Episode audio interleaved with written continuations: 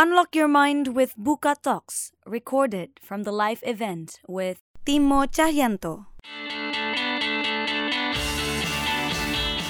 Bikin film itu juga merupakan bentuk dari lo collaborating dengan berbagai aspek.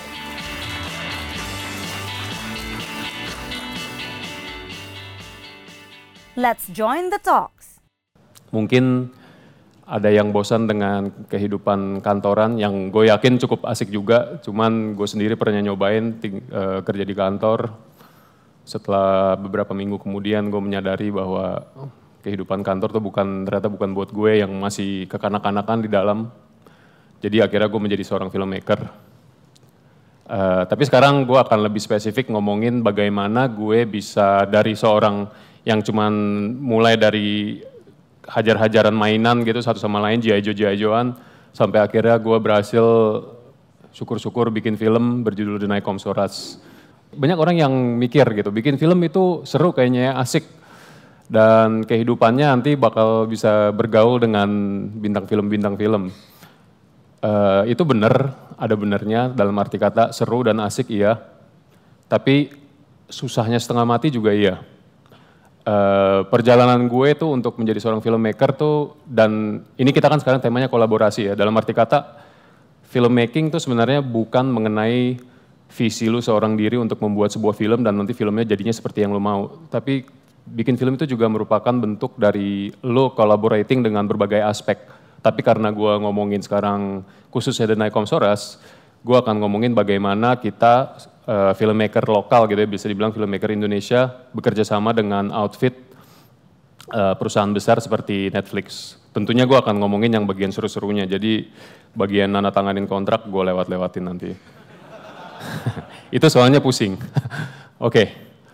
uh, dimulai dari tahun 2014. 2014 itu gue ngebawa film berjudul Killers ke Sundance.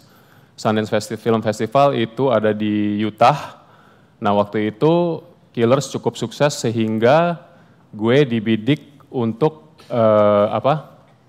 Gue dibidik untuk uh, ketemu dengan seorang pihak yang bernama Harvey Weinstein. Nah waktu itu Harvey Weinstein dia baca skripnya yang pertama dan dia sangat suka. Dan akhirnya dibilang, oke okay, kalau gitu kalian bikin sebuah foreign film yang berjudul Naik Soras ini. Nah begitu di situlah gue akhirnya semangat banget karena gue dari film killer tiba-tiba beranjak bikin film action dengan Jota Slim.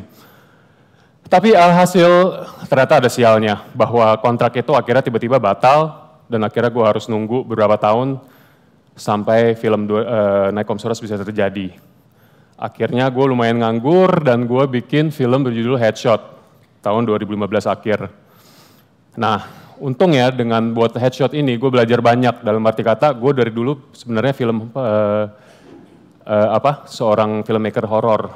Tapi di sini pertama kalinya gue akhirnya bikin action dengan belajar dengan lumayan gila-gilaan sih. Karena headshot itu sebenarnya bisa dibilang budgetnya sangat dikit dan waktu untuk bikinnya juga sangat sebentar.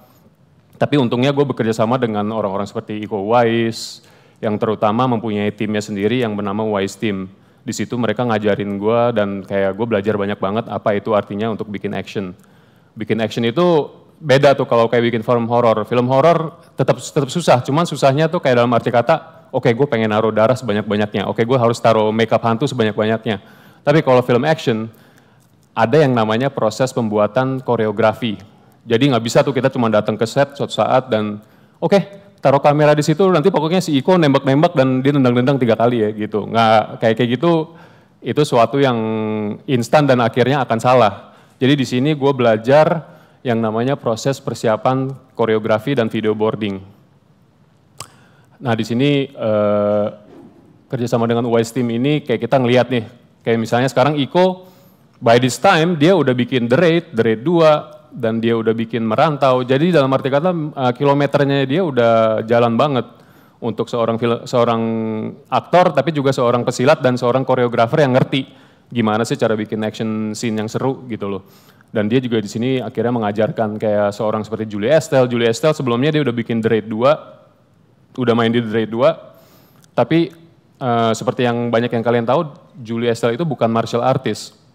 Dalam arti kata, sebagai seorang aktor, misalnya lu nanti ketemu si siapa gitu, eh, Reza Ardian atau siapa, mereka itu mempunyai skill atau mempunyai keinginan untuk berlatih, tapi mereka sendiri nggak necessary tahu gimana cara di dalam screen itu ngebungkul orang atau ngenendang orang ataupun silat. Jadi kita harus ngajarin beberapa basic-basic hal yang bikin mereka supaya di kamera kelihatan natural. Nah waktu itu juga persiapan kita cukup gila ya, dalam arti kata dalam waktu sekitar sebulan kita harus nyelesain semua ada yang namanya video board. Video board itu adalah arti kata kita udah ngambil pakai kamera SLR ataupun handphone gimana kira-kira scene itu akan bermain nanti begitu kita scene, shoot film, film uh, scene actionnya, kita cuma tinggal mengikuti apa yang udah kita rekam waktu persiapan. Nah juga waktu itu ada proses kita bekerja sama dengan Wise Team, saking waktu itu waktunya sangat mepet, gue harus uh, gue harus kayak ada yang namanya proses reading.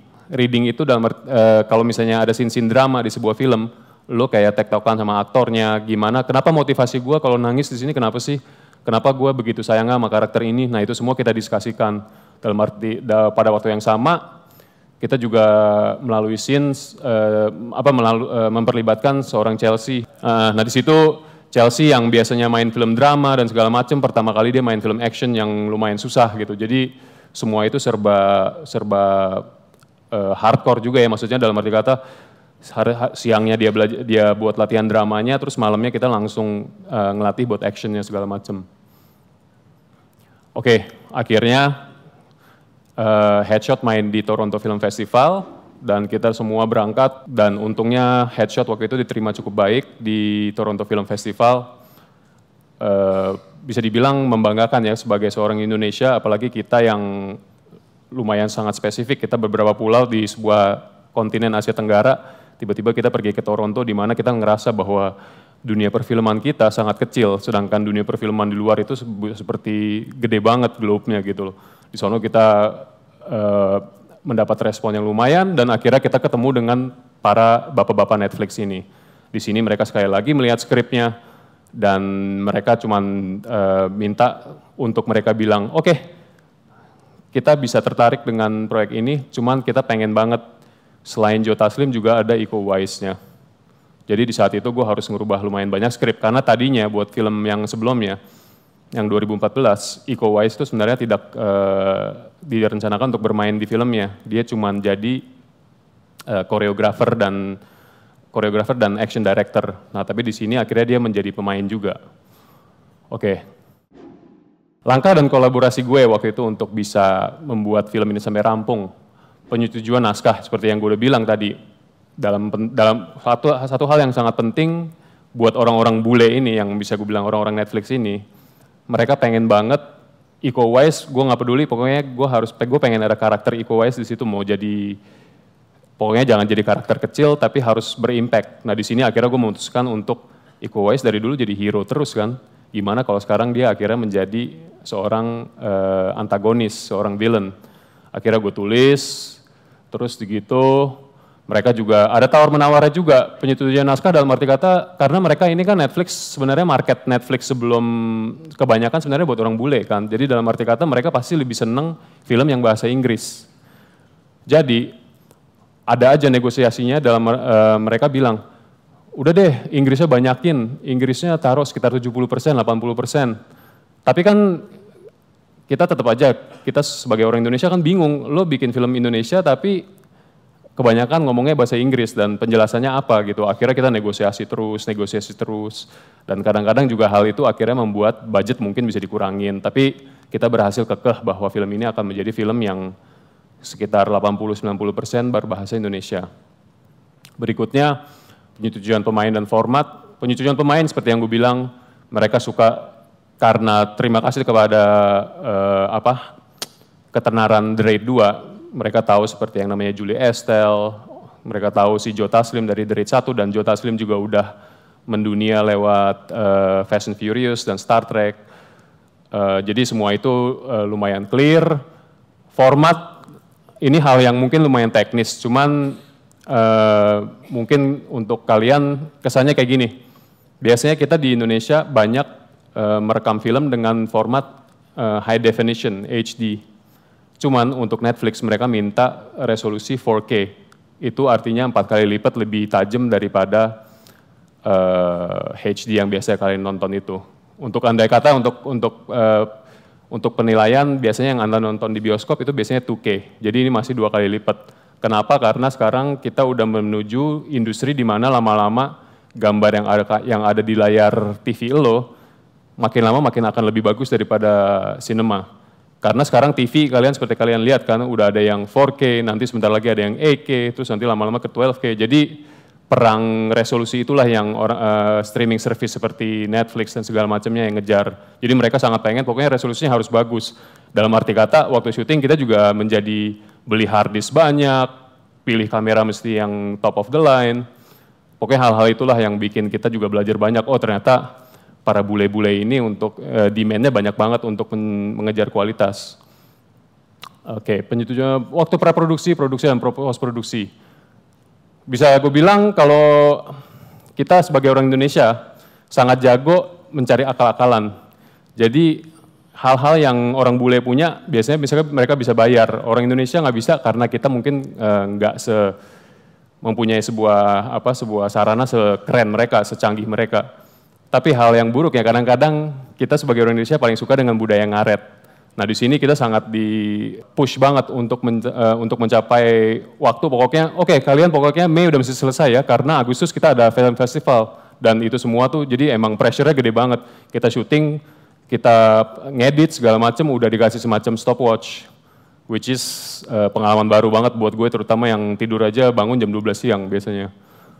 Nah, quality control, delivery dan promosi segala macam itu kayak semacam pokoknya oke okay, kita nanti uh, harus mempresentasikan filmnya ke orang-orang Netflix ini dan mereka nonton.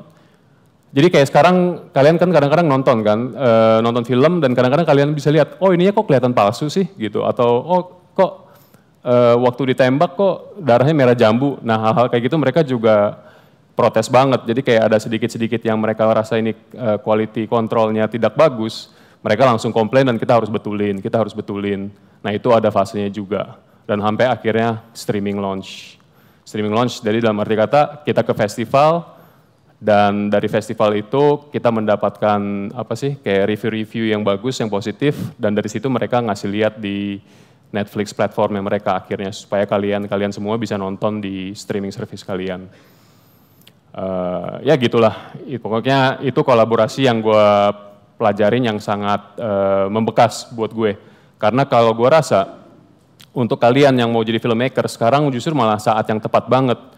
Karena Indonesia sendiri itu udah mulai terbuka untuk dilirik sama orang-orang lain.